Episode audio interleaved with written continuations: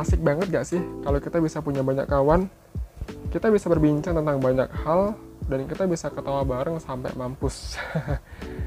Apalagi nih, buat kamu para aktivis kampus yang setiap harinya selalu ada aja kegiatan yang kamu lakukan. Tapi pernah nggak sih pada satu titik kamu itu ngerasa kok aku kesepian ya? Kok aku merasa sendiri ya? Padahal circle kamu itu luas. Dan di media sosial pun kamu selalu terkoneksi dengan banyak orang. Kamu chattingan di WhatsApp, kamu DM-an di Instagram, kamu JB-JB di Twitter. Tapi kamu tetap merasa kesepian. Hai, di podcast ini kita bakal ngebahas tentang diri sendiri yang merasa kesepian padahal kita lagi ada di situasi yang rame. Hal semacam itu wajar nggak sih?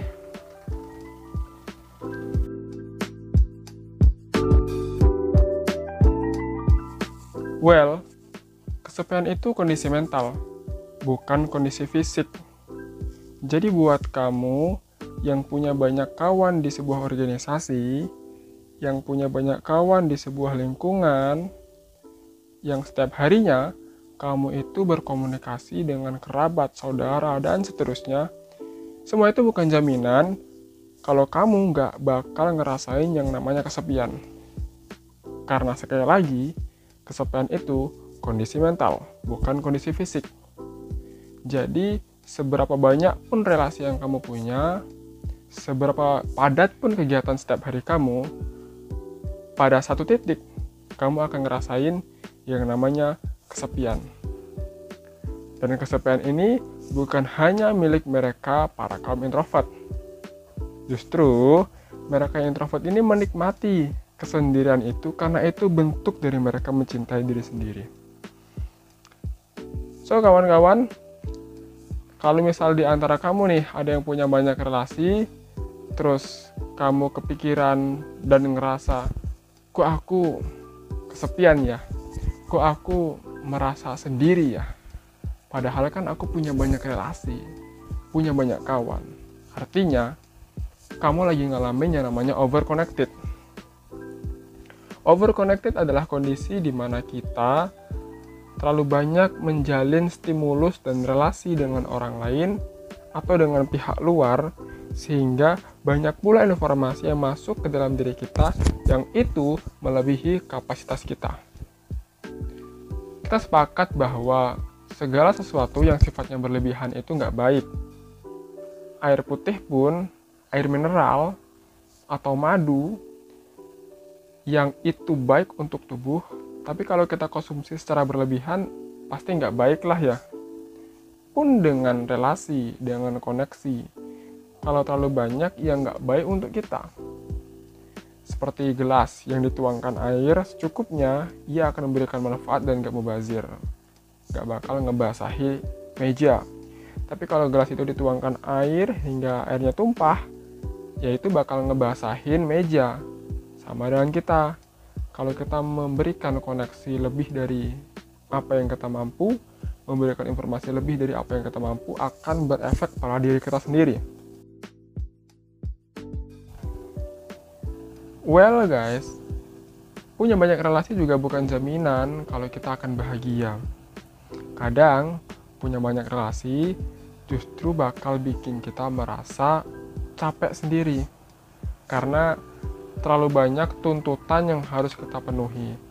Terlalu banyak ekspektasi yang membebani pundak kita. Terlalu banyak harapan yang harus kita wujudkan. Dan pada satu titik kita akan sadar bahwa semakin dewasa sebenarnya kita itu nggak butuh banyak relasi tapi semakin dewasa kita hanya butuh relasi yang sedikit tapi itu berkualitas. Ya nggak sih? Ya kalau yang belum ngerasain itu insya Allah nanti kalian bakal ngerasain kok. Seiring kita tumbuh dewasa kita akan mengalami perubahan-perubahan mental itu. Tapi kawan-kawan, buat kamu nih yang punya banyak relasi tapi beranggapan bahwa relasi itu penting harus dijalin luas, ya monggo, itu hak kita. Jadi setiap kita tuh punya hak untuk menentukan arah kehidupan. buat kamu yang merasa punya relasi itu harus banyak biar kita bisa hidup di mana aja. Ya monggo itu perspektif kamu. Kemudian kalau misalnya ada yang bilang ya perlulah punya relasi banyak-banyak yang penting kita bisa punya relasi yang berkualitas ya monggo juga artinya ini pilihan masing-masing. Dan kita nggak perlu memperdebatkan kedua pilihan ini. Tapi kawan-kawan ketika kamu punya banyak relasi terus kamu merasa kesepian dan kamu merasa sendiri maka yang perlu kamu lakukan adalah cobalah kamu untuk menepi dulu. Menepi dari orang-orang yang mungkin mereka itu bikin kamu capek karena terlalu banyak memberi tuntutan terlalu banyak memberi harapan terlalu banyak memberi uh, tanggung jawab dan seterusnya. Kamu menepi dulu dari media sosial. Jadi kamu cut dulu hubungan kamu untuk sementara waktu agar kamu itu bisa ngobrol dengan diri sendiri, agar kamu bisa bercengkerama dan menyelami samudra yang bernama aku. Ini bukan berarti kamu ghosting, juga bukan berarti kamu itu lagi ngelakuin yang namanya silent treatment. Anyway, ghosting sama silent treatment nanti coba kita bahas ya di episode berikutnya, karena dua topik ini menarik banget. Well, so kawan-kawan semua, jadi coba dulu kita menepi dari orang-orang yang bikin kita capek sendiri biar kita lebih mengenal diri sendiri dan kita nggak merasa kesepian lagi cukup itu semoga ini ada manfaatnya buat kamu yang pengen cerita tentang diri sendiri tentang kesendirianmu kesepianmu dan everything all about you bisa DM di media sosialku di Instagram @giswarta atau di Twitter juga bisa @giswarta. Semoga bermanfaat dan selamat menjadi manusia sewajarnya.